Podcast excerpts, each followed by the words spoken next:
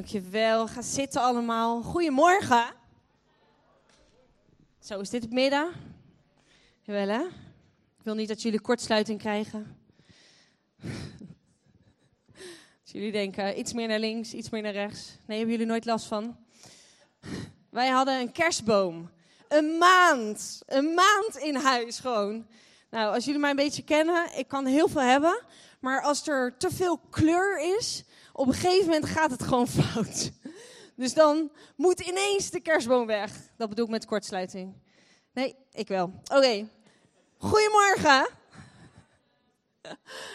Gaat het goed met jullie? Goed zo. Ik ga uh, spreken vandaag. Wie heeft er zin in een heel tof woord? Ga je ook heel hard bidden dat dat lukt dan? Oké. Wie heeft er zin in een woord dat niet alleen maar woorden zijn? Oké. Maar jullie moeten daar wel iets voor doen. Namelijk je hart openzetten. Oké, heel cool. Ik ga bidden. Dank u, Vader. U bent zo'n goede God, Heer. Dank u, Heer, dat u hier bent. Heer, dat u een plan heeft met ons leven. Heer, en dat u dat vandaag al zichtbaar wil maken. Waar we ook vandaan komen. Wie we ook zijn. Wat we ook gedaan hebben. Heer, gewoon zoals we hier zitten. Gewoon precies, precies zoals dat. Heer, u wilt hier zijn. U wilt iets doen vandaag in ons midden, Heer, in ons binnenste. En Heer, ik bid, Vader, dat u, Heer, gewoon die ruimte neemt. Heer, maar ik bid ook dat wij allemaal u die ruimte geven, Heer. Dat we met ons hart kunnen zeggen, kom maar op met die woorden. Ik ben klaar, ik zet mijn hart open. En Heer, ik bid, Vader, Heer, dat alle woorden die ik spreek, dat het uw woorden zullen zijn, Heer. In Jezus' naam. Amen. Amen. Supergoed. Hey, het woord heet Yes to Me. We zijn in, uh, in een serie bezig waar we het hebben over eigenlijk het leven van Jacob. En aan de hand van het leven van Jacob um, ja, hebben we allemaal uh, uh, preken, maar zo te zeggen, preken. Het is nog zo'n woord, hè? een preek. Ik vind het altijd zo'n heftig woord. Young Free, die weet wat ik bedoel, die denkt, oh, daar komt de preek. Dat dus. Maar ik weet dat jullie als hardste je hart open hebben staan. Yes to me.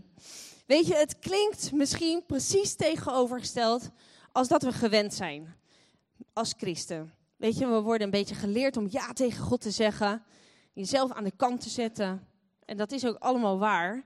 Maar yes to me is wel nodig. Want jij bent zijn masterpiece. Jij bent een masterpiece zoals hij je gemaakt heeft. En jij bent een deel van het plan wat hij heeft. Van een groter plan. God gaf Jacob met het vinden van zichzelf, toen hij ja zei tegen zichzelf, een nieuwe identiteit. Jezus gaf hem een nieuwe naam. In Efeze 1 vers 11 staat, Younger Freedy kent hem uit zijn hoofd. Nee hoor, zo'n grapje. It is in Christ that we find out who we are and what we are living for. It is in Christ that we find out who we are and what we are living for. En je zou bijna kunnen zeggen, of misschien zou je kunnen zeggen, eigenlijk nergens anders in. Oké, en we gaan kijken hoe aan de hand van vier mijlpalen. Maar allereerst, weet dat God van je houdt. Ik ga echt niet heel heftig preken hoor. Maar weet dat God van je houdt. Dat Hij voor je uitgaat. Dat Hij je pad bereidt. Hou je stevig vast aan Hem, ook nu al, door het woord heen. Maak je geen zorgen, want God zal zijn doel bereiken met jou. Met, ondanks en door jou heen. Nou, voordat Jacob hier was, voordat hij ja tegen zichzelf kon zeggen, voordat hij wist wie hij was in God, wie hij is in God, was voor ons. Had hij al een leven geleid, zeg maar. Misschien hebben jullie of velen van ons ook al wel echt een leven geleid. En misschien is dit wel helemaal nieuw voor je vandaag. Dan is dit net zo hard voor jou. weet je, God zegende Jacob. Hij zegende hem. En laten we kijken hoe Jacob zijn identiteit ontdekte. Hoe hij ja zei tegen hemzelf, zodat God hem kon gebruiken. Zodat God zijn plan, Gods plan in Jacob eigenlijk uh, tot uiting kon brengen. Nou, er zijn vier mijlpalen, zoals ik het al zei. En de eerste mijlpaal zegt, uh, God yes, maar alleen zoals ik het wil. God yes, maar alleen zoals ik het wil. Misschien bekend voor jullie, misschien niet. Misschien heb alleen ik daar last van. Weet je wat anderen van ons denken, vinden we heel erg belangrijk. Toch? Nee? Oké. Goed dat jullie wakker zijn. Ik ben echt blij met dit enthousiaste publiek. Grapje. Ik moet jullie af en toe even wakker maken, toch? Want het is toch een preek. Ik bedoel, het is zondag. Oké, wat anderen van ons vinden, vinden we over het algemeen, niet iedereen natuurlijk, maar heel veel vinden het heel belangrijk. Kijk alleen maar naar de selfie-cultuur. Toch? We maken een foto. Toch? We doen dat even posten. Er zijn mensen die zelfs een soort van brand hebben met een, met een forehead selfies en zo. Kijk even zo. Waar zijn jullie allemaal? Goed zo. Dat posten we dan natuurlijk. Even posten. Zo. En dan, uh, dan kijken of die likes komen. Eén. Ah, gelukkig. Dat was snel. Twee. Drie, vier. Ah, gaat goed. Hij is leuk. Dat was een goede foto. Goed gelachen allemaal. Vijf, zes. Ah, gaat goed. Zeven, acht. Hm. Oké. Toch even kijken. Hoe gelukkig. Elf. Elf. Gaat goed. Zeventien. Oké. We gaan verder. Nee, toch even kijken. Hm, hij blijft hangen. Hij blijft hangen. Oh jee. Hij blijft hangen. Ik krijg geen selfies meer, geen likejes. Hij blijft hangen. Voelen jullie hem? Come on, guys. Even wat liefde. Wat liefde. Nee, nog steeds 17. Come on, where's the love? Jongens.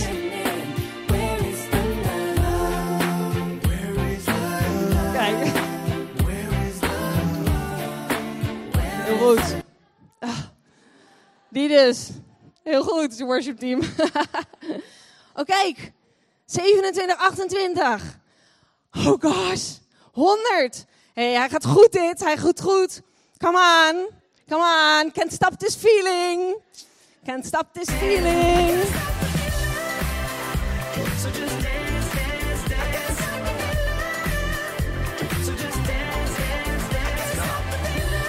Heel goed. Jullie voelen me, hè? Goed zo. Dankjewel, guys.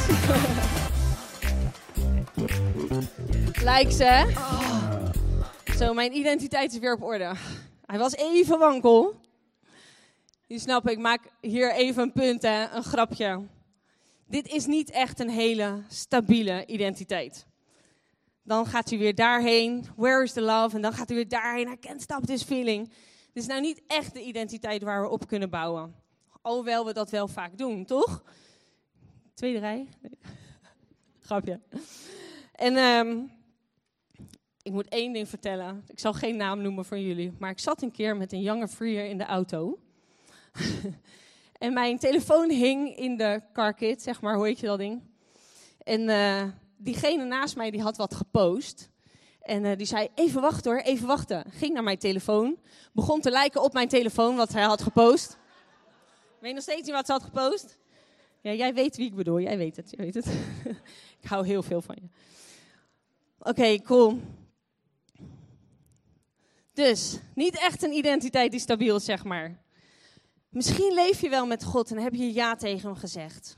Maar vul je je leven nog niet echt in met hem.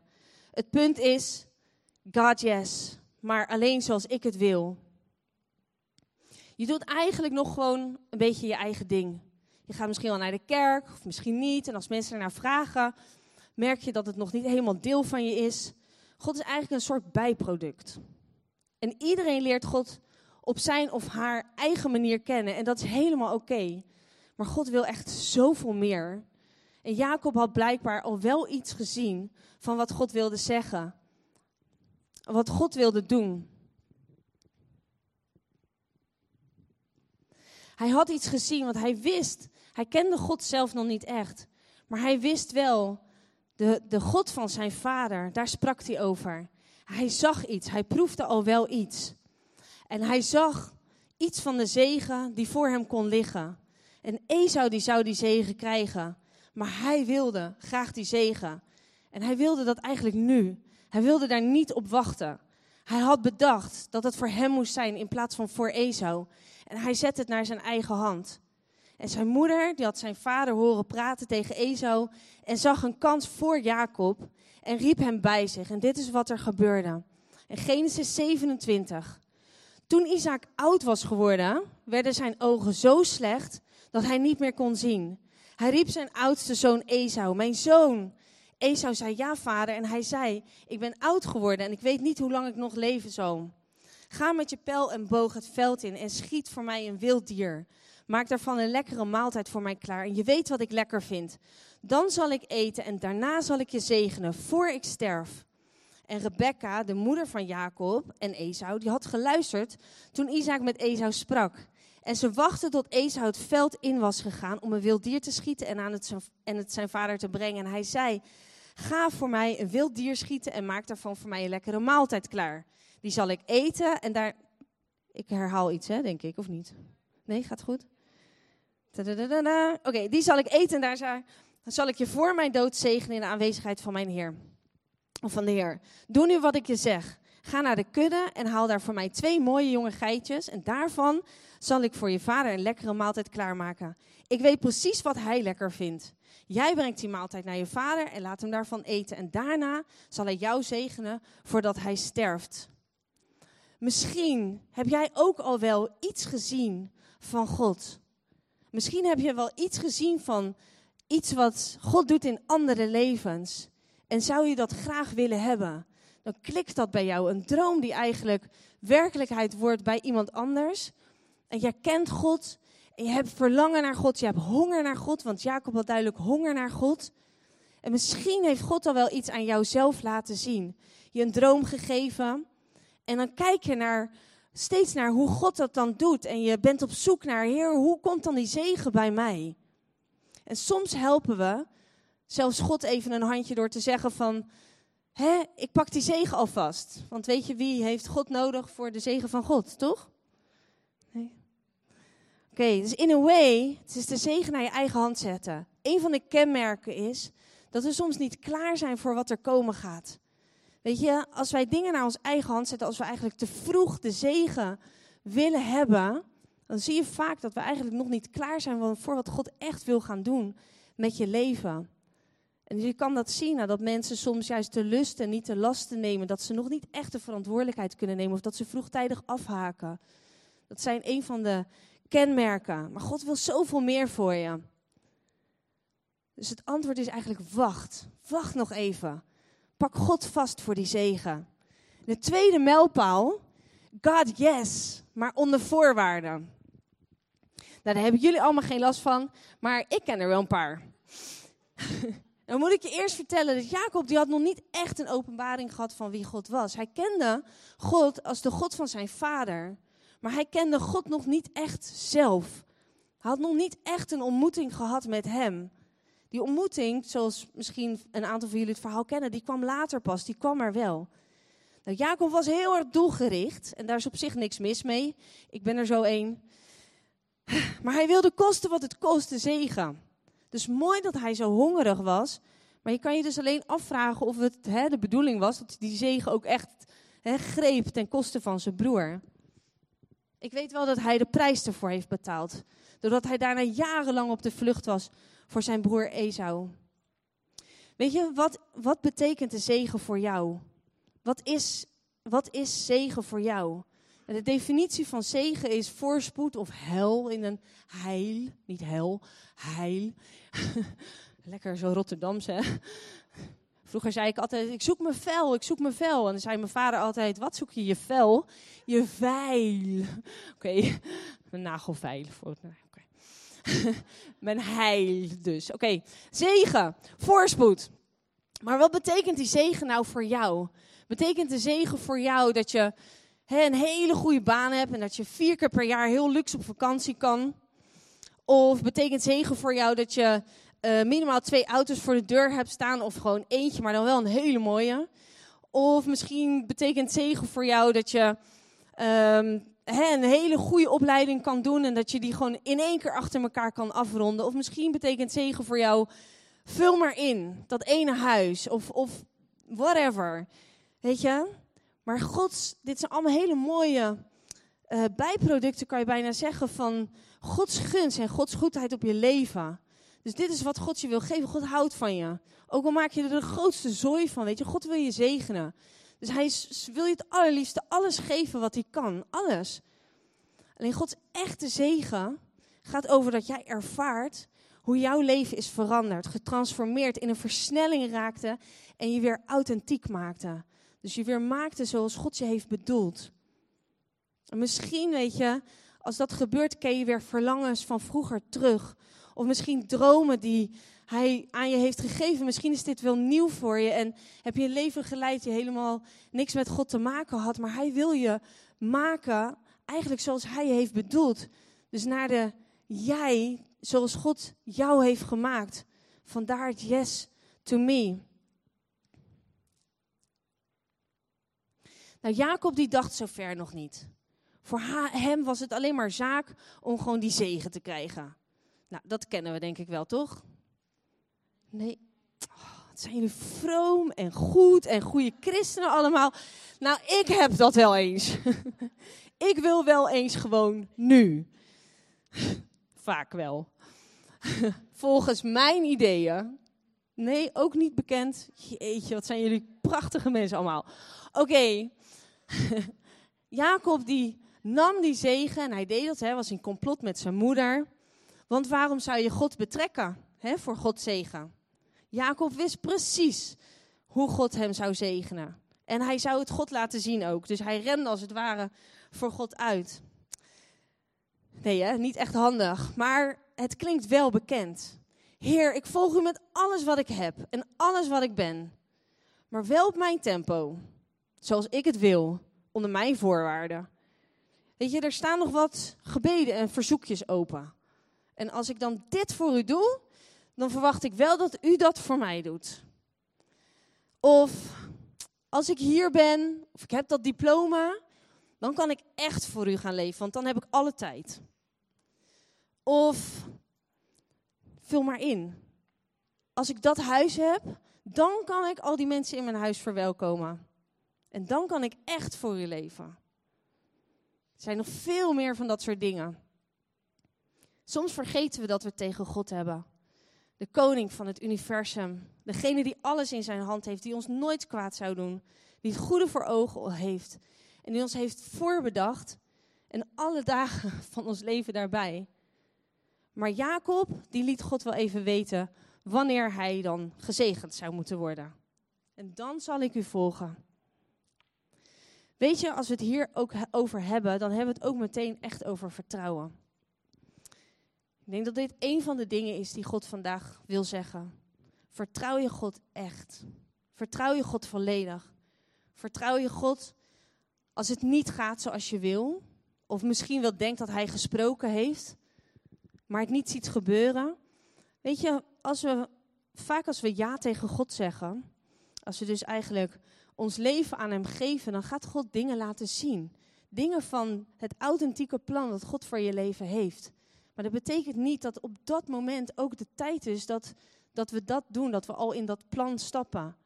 En vaak zie je daar dat we te snel gaan, dat we te snel willen. Maar God is daar nog helemaal niet. Hij is daar helemaal nog, we zijn daar nog helemaal niet klaar voor. En vaak heeft, heeft het tijd nodig. En God wil je on the journey leren om Hem te vertrouwen en meer te vertrouwen. Als dingen niet zo gaan zoals ze zouden moeten gaan, of als hij dingen beloofd heeft, misschien voor je gevoel. Of misschien echt, maar je ziet het gewoon niet gebeuren nog. Vertrouw je hem met je kinderen. Als er ziekte is. Of als het op school niet goed gaat. Vertrouw je hem met je financiën. Weet je, ik geef deze maand maar geen 10%, maar 8%, want anders red ik het niet.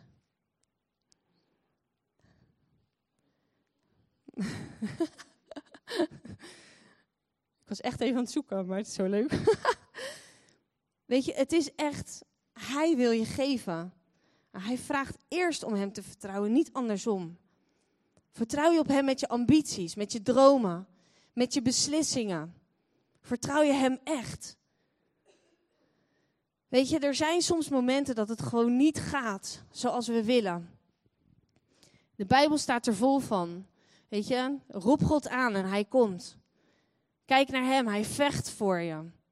Weet je, alle zegeningen die we misschien om ons heen zien. Of alle mensen die we zien groeien en bloeien. En dan kom je in een tijd terecht wat misschien wel voelt als een gevangenis voor je. Omdat het moeilijk is. Omdat je aan het worstelen bent. Omdat je misschien iets wil. Of omdat je voelt. Of omdat je misschien, misschien heb je wel iets van binnen dat je denkt van ik wil zo graag. Ik wil zo graag. Ik wil zo graag voor u gaan. Of ik wil zo graag iets. En het kan gewoon niet. En je hebt het gevoel dat je vastzit. En je ziet iedereen om je heen maar gaan. En je ziet iedereen om, om je heen rennen. En je ziet iedereen leven. En je ziet iedereen. Misschien zit je, zit je thuis met kinderen wat gewoon niet helemaal lekker gaat. Misschien hè, ben je gescheiden of heb je net iemand verloren en ben je alleen en sta je opeens overal alleen voor. Misschien ben je je baan kwijtgeraakt.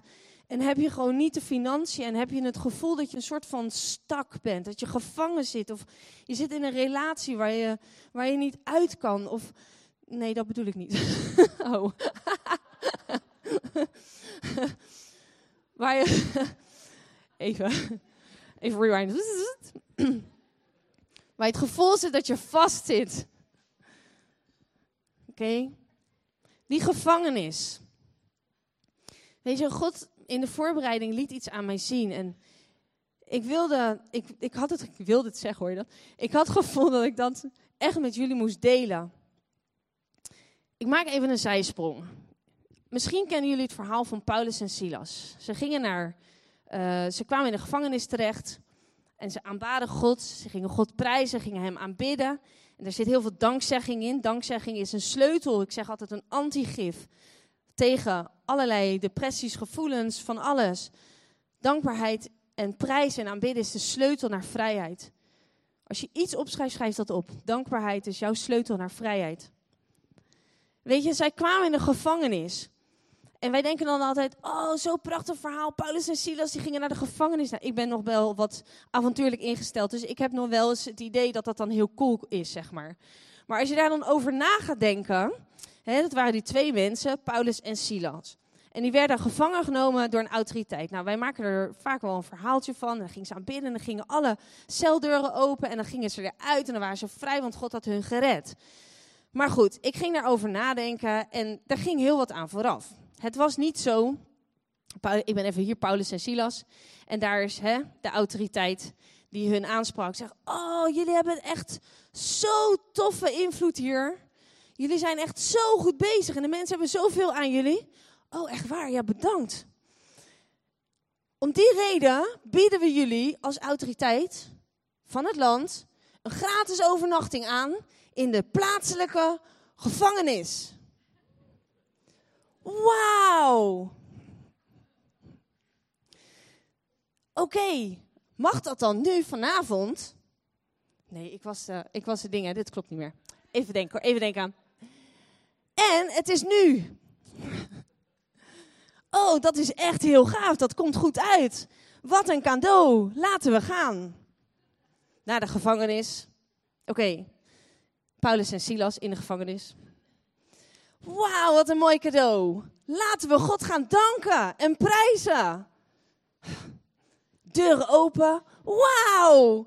Oké, nou ja, ik maak er een beetje een raar verhaal van. Ik hoop jongens op de podcast dat jullie mij volgen. Excuus voor dit ding. um, maar wat daar gebeurde, weet je, zij werden gewoon opgepakt. Ze werden gewoon onterecht, werden ze bruut, werden ze opgepakt omdat ze over Jezus vertelden. Ze werden in de gevangenis gegooid. Er staat nog, geloof ik, dat ze worden gemarteld en dat er van alles aan vooraf ging. En dan zijn ze in die gevangenis. Nou, ik weet niet hoe het met jullie zit, maar als ik daar zou zijn, zou ik denk ik niet zingen. Oh, laat ik even mijn nachtegalige stem hier laten horen hier in deze gevangenis. Hey, ik kan bidden. Want ik ben zo blij dat ik hier ben. Nee, ik denk niet dat ik dat zou doen. Ik zou denk ik denken, hoe kom ik hieruit? Hoe kom ik hieruit? Toch? Hoe kom ik hieruit? En dan doet God dat wonder en dan gaan die deuren open. En ik weet niet wat jullie zouden doen, maar ik zou echt als de weer door die deur rennen en heel snel weggaan. Heel snel, nooit meer omkijken. Maar ik las dat stuk en ik dacht, verrek, ze gaan helemaal niet weg. Ze blijven daar gewoon in die gevangenis hangen. Ik dacht, nou, dat is ook wat.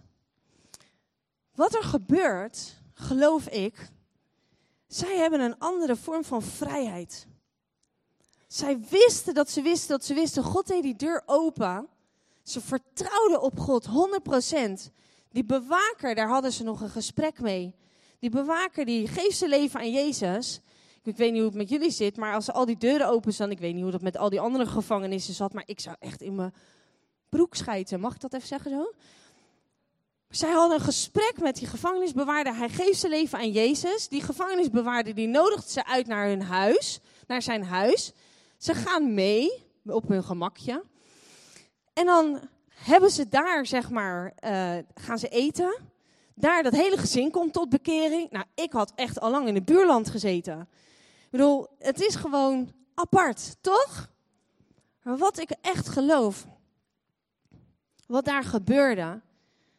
Weet je, de deuren gingen open, ze kregen vrijheid. Maar ze kenden al een andere vrijheid. Ze kennen de vrijheid die je ervaart als je God aanneemt in je leven. En deze vrijheid gaven ze door in een hele moeilijke periode. En misschien heb je, zit je wel in een, in een situatie of heb je in een situatie gezeten en je hebt het gevoel dat je er niet uitkomt. Je kan nergens naartoe. Je wil zo graag, maar je kan niet. Je zit middenin die moeilijkheid en je bidt en je bidt en dan geeft God die doorbraak. En in plaats van dat we vaak terugkijken en dat we God danken, rennen we weg. Weet je, we gaan door, we laten het, we gaan door met ons leven. Maar weet je, God die plaatst ons soms niet voor niks in een bepaalde situatie. Of hij laat het misschien gebeuren. In een bepaalde moeilijkheid. Sterker nog, hij kan in die situatie deuren openen. Je een steekje dichter bij je bestemming brengen. En als je dan terugkijkt, waar je je nog zo gevangen voelde, terwijl je er misschien nog wel middenin zit, maar nu toch die doorbraak ervaart, want die deuren die zijn open, die vrijheid die is daar, dan zie je alleen maar een spoor van groeien van mensen die Jezus hebben leren kennen. Weet je, ik ga het toch eventjes noemen, maar ik ben, ik, ik ben iemand, ik hou van werken, ik hou van eruit zijn, ik hou van mensen. Daniel zegt altijd van, oh je bent vandaag met mensen, ben je met, mensen geweest, want je bent helemaal vrolijk en weet je, dan ben ik, ben ik helemaal gewoon even wat meer Wendy als ik de hele dag thuis heb gezeten, dat is gewoon niet helemaal mijn ding, een beetje zo gezegd. En, uh, maar tegelijkertijd zijn we in een situatie gekomen waar dat echt moet. Ik moet thuis zijn. En uh, dat heeft met onze kids te maken. Nou, heel veel van jullie weten dat verhaal wel. En soms voelt het echt alsof ik, ik wil zo graag, maar ik, weet je, het gaat gewoon even niet. En ik weet dat de tijd komt dat ik weer meer zal gaan en gaan en dat er weer allemaal dingen en er zitten zoveel ideeën in mijn hoofd en ik wil zo graag. Maar weet je, in deze tijd, als ik nu terugkijk, ik ben andere dingen gaan doen die ik, nog, die ik nooit had gedaan als ik eigenlijk soort van noodgedwongen thuis zou zitten. Dus God heeft mij allemaal uh, nieuwe dingen gegeven eigenlijk, bijna noodgedwongen. Ik bedoel, hij moest me ergens mee bezighouden, dat snapte hij ook wel. En weet je, ik ben ermee aan de slag gegaan. Ik ben gaan studeren, ben vrijwilligerswerk gaan doen. Weet je wat dan wel kan? Ik heb mensen ontmoet die ik anders nooit had leren kennen.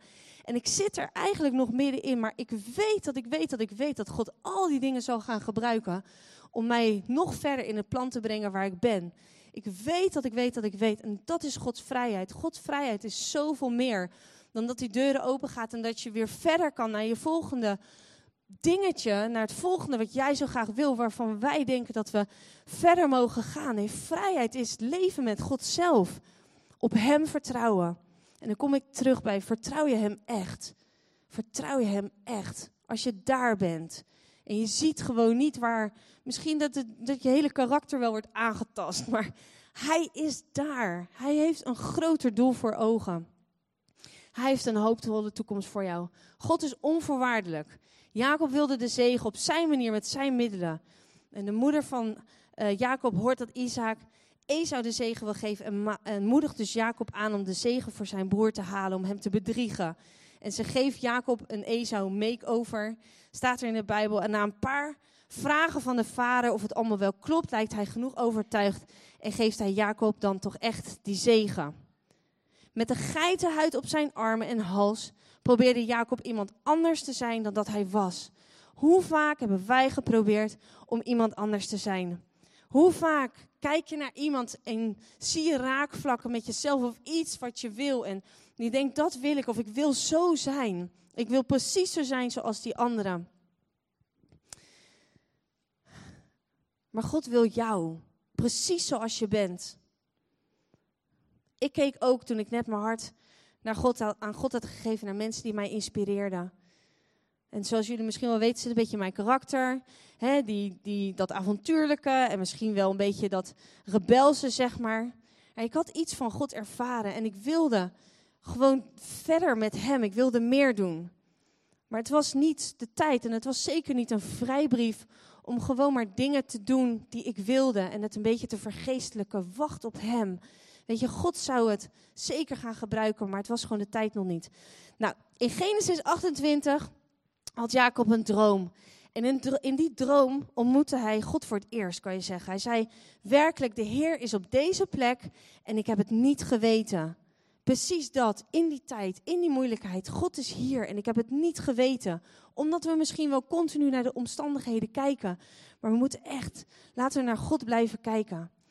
Een stukje Genesis 28, vers 20. Jacob beloofde, als God inderdaad voor mij zal zorgen, mij op reis zal beschermen, voor genoeg eten zal zorgen en voor kleren om aan te trekken.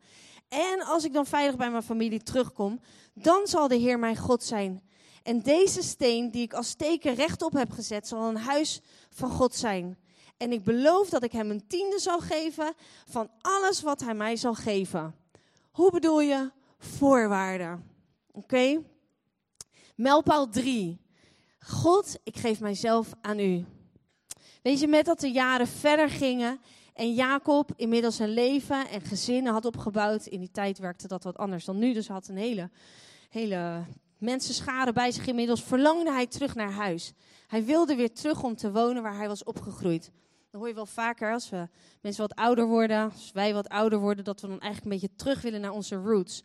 Maar hij droeg een last met zich mee. De last van het bedriegen, van het liegen, van het zijn en het proberen te zijn van iemand anders, van de rusteloze jaren.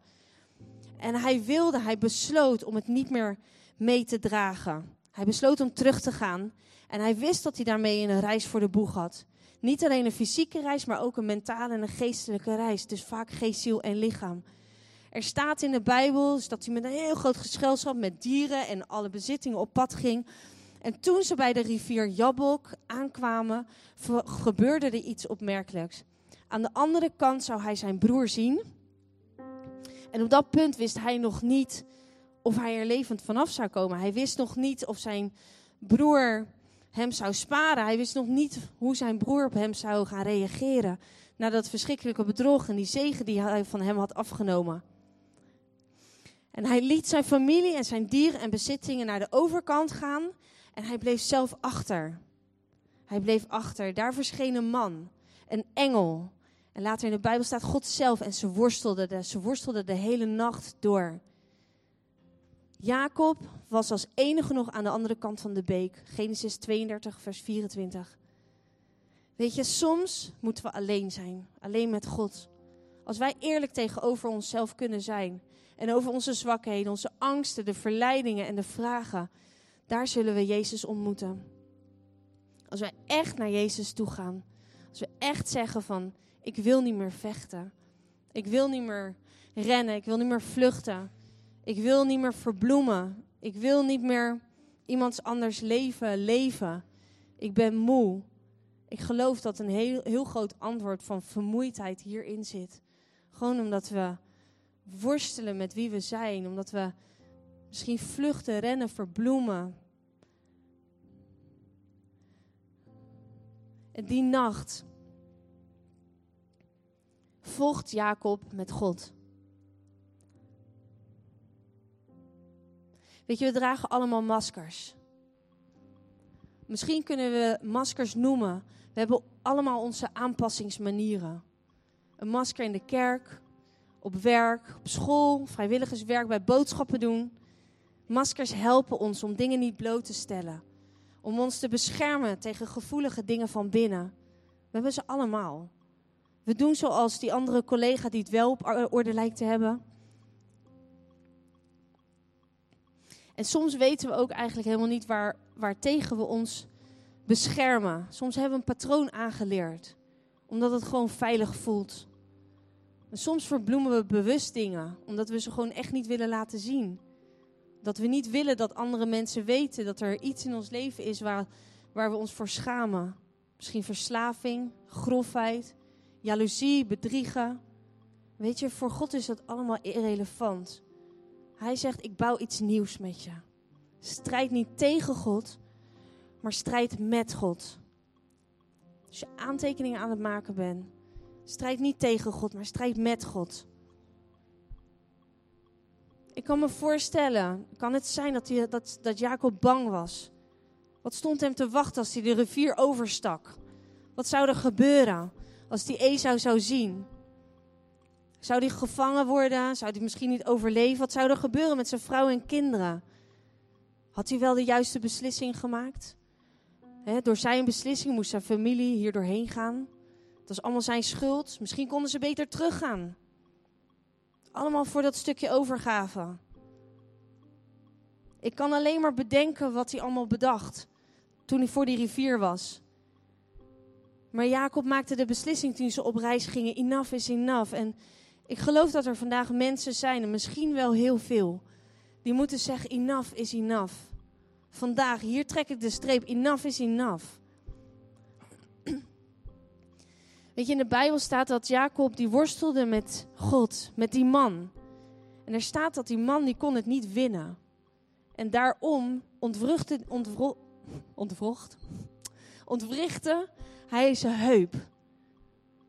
Kan het zijn dat het komt dat de wil van Jacob zo sterk was, dat hij zo hard aan het vechten was tegen de overgave, dat het gewoon niet lukte? En uiteindelijk, God wist al lang wat er aan de andere kant van die rivier ligt. God wist het al lang. dan zou je denken van moest hij daardoor dan zijn heup uit de kom halen? Anders hadden ze misschien nog wel jaren geworsteld. Misschien waren ze nooit die rivier overgestoken.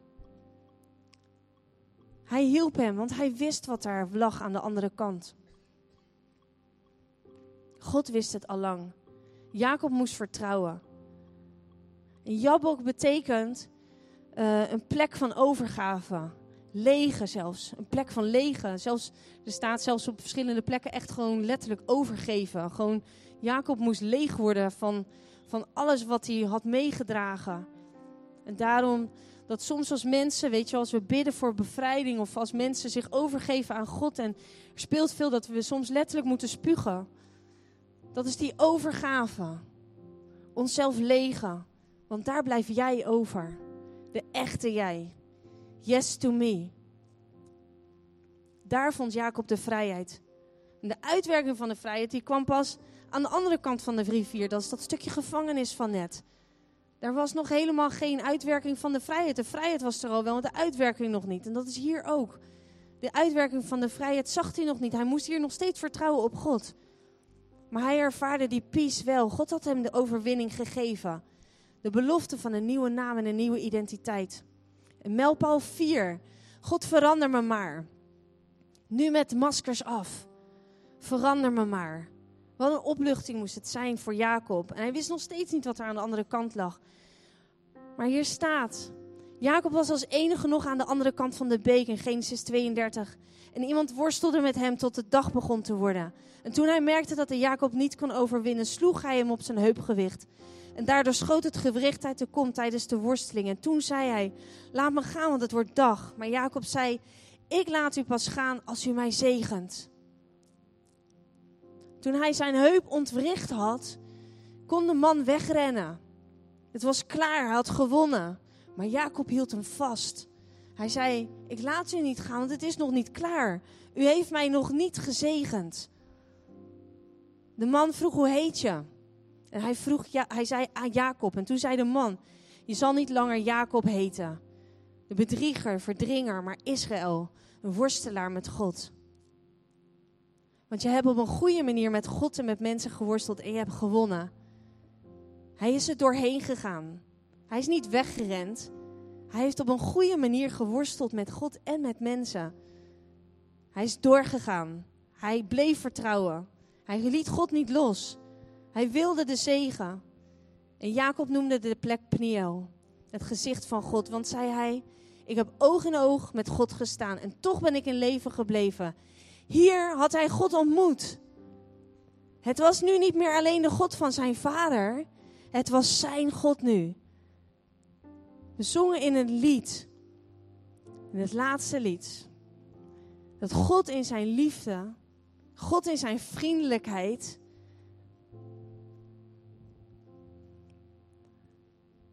ons op onze knieën krijgt. Hoe ging die ook alweer? In zijn liefde kreeg hij op ons op zijn knieën. Want het is zijn vriendelijkheid. It's his kindness that leads us to repentance. Het is zijn vriendelijkheid, zijn liefde die ons op onze knieën geeft. En dan steekt hij over. En dan staat er in Genesis 33, vers 4. Maar Esau rende hem tegemoet. Hij omarmde hem, viel hem om de hals en hij kuste hem en ze huilden allebei. Wat een overwinning. Wat een overwinning. Daar was hij vrij. Voor zijn hele familie. Alle mensen die hij bij zich had. Hij vroeg vergeving aan Esau. En hij was vrij. Een nieuwe identiteit kreeg Jacob. Hij deed zijn masker af. En weet je, de engel of God in Genesis 32, 24, vers 28. Hij vroeg Jacob een diepere vraag van betekenis. Wat is je naam? Echt, really? God die elke ster in de hemel een naam heeft gegeven, vroeg daar, wat is je naam? Alsof hij dat niet wist. Maar hij wilde Jacob heel duidelijk maken dat hij wist, dat het helder werd, dat hij wist dat hij wist wie hij was. Niet meer Jacob de bedrieger. Niet meer Jacob die rusteloos was. Niet meer Jacob die zo naast op zoek was naar die zegen. Jacob die van zichzelf wegrende. Die zijn eerdere identiteit niet meer hoefde. Hij kreeg zijn nieuwe identiteit. Maskers af. Geen bedrieger. Nieuwe naam Israël. God vecht voor hem. God vecht voor jou. God vecht voor jou. Deze vraag bracht Jacob op zijn knieën. Na 21 jaar van rusteloosheid. 21 jaar van rusteloosheid, mensen. Maskers af. God vecht voor jou. Hij zegent je en hij haalt het beste uit je leven. Als je erkent wie je bent. Vandaag de vraag. Heel, heel, heel, heel hard aan jou de vraag: wie ben je echt? Wie ben je echt? Ben je de angstige manager die zich verschuilt achter een houding? Of de altijd blije moeder met een heel zwaar hart? Ben je de clown in de klas omdat je het gevoel hebt dat je er niet bij hoort? Wie ben jij echt? Jouw naam staat in het boek van God. Hij heeft jouw naam geschreven. Hij heeft een plan met je leven. Hij weet het. Hij weet het. Hij weet het. En daar herschrijft hij zijn verhaal. In het begin heb ik een tekst genoemd, Efeze 1, vers 11. It is in Christ that we find out who we are and what we are living for. Ik hoop vandaag dat als jij de deur uitloopt, dat je kan zeggen: It is in Christ that I find out who I am and what I am living for. Het is in Hem, in God, dat je mag weten wie je bent. Precies zoals je bent. Precies zoals je bent. Weet je, er zijn zoveel dingen die, uh, ook wij als kerk, er zijn zoveel dingen die mensen zeggen die je moet zijn. Maar het is, van, het is God. God moet jou laten zien wie je bent. God laat jou zien, maar laat je Hem, laat je Hem jezelf zien. Maskers af. Maskers af. Mag ik voor je bidden? En terwijl we aan het bidden zijn en het worshipteam opkomt, en we gaan echt nog een mooi lied zingen. Weet je, ik zou echt je willen vragen om gewoon diep naar binnen te kijken. Zijn er maskers? Zijn er dingen waarachter je hier verschuilt? Weet je, soms denk je dan meteen aan, aan verslavingen en dingen. En ook dat hoort erbij. Maar weet je, het, het verbloemen, de, misschien een patroon Misschien ben je gewend om op een bepaalde manier te zijn of te reageren. En vind je het moeilijk om te laten zien als je dingen ook zelf moeilijk vindt. Of misschien ben je gewend om sterk te zijn. En ben je alleen maar thuis achter gesloten deuren, zwak. Weet je, maar God wil jou. Hij wil jou compleet. En dan wordt zijn plan met jou uniek. Vader, dank u voor wie u bent. Heer, dank u, Heer, voor uw woord. Ik dank u dat u spreekt, dat uw woord levend is. Dank u, Vader, dat er, dat er mensen zijn vandaag die hun maskers af mogen doen. Heer, dat we patronen mogen afleggen. En misschien zijn er wel mensen die vandaag voor het eerst horen dat ze gewoon helemaal oké zijn, Heer. Heer, dat u van hen houdt. Dat u het beste met, u, met ons voor heeft. Heer dat, Heer, dat u in uw lieflijkheid, in uw kindness, in uw vriendelijkheid, in uw tofheid, in uw goedheid, in uw stoerheid, dat u ons daar wil ontmoeten. Heer, dat u ons niet veroordeelt voor de dingen die we doen of hebben gedaan. Of Heer, dat de schaamte waarmee we rondlopen en dat we denken dat we misschien niet goed genoeg zijn. Heer, maar u bent daar en u vindt het gewoon goed genoeg. Het is irrelevant voor u. Heer, want u kijkt naar hoe we zijn, hoe we echt zijn, hoe u ons heeft gemaakt. Heer, en u met, wil met ons aan de slag met alles. Heer, in uw woord zegt u steeds de vader van, van Abraham, Isaac en Jacob. U zegt niet, of het woord, de Bijbel zegt niet Israël. Hij zegt niet de nieuwe naam. Maar u zegt steeds Jacob, die imperfecte persoon. Heer, u bent degene die ons in, in onze imperfectie wil ontmoeten. En ik bid vandaag, Heer, dat u zoveel en zo diep zal doen, Heer, in Jezus' naam. In Jezus' naam. Amen.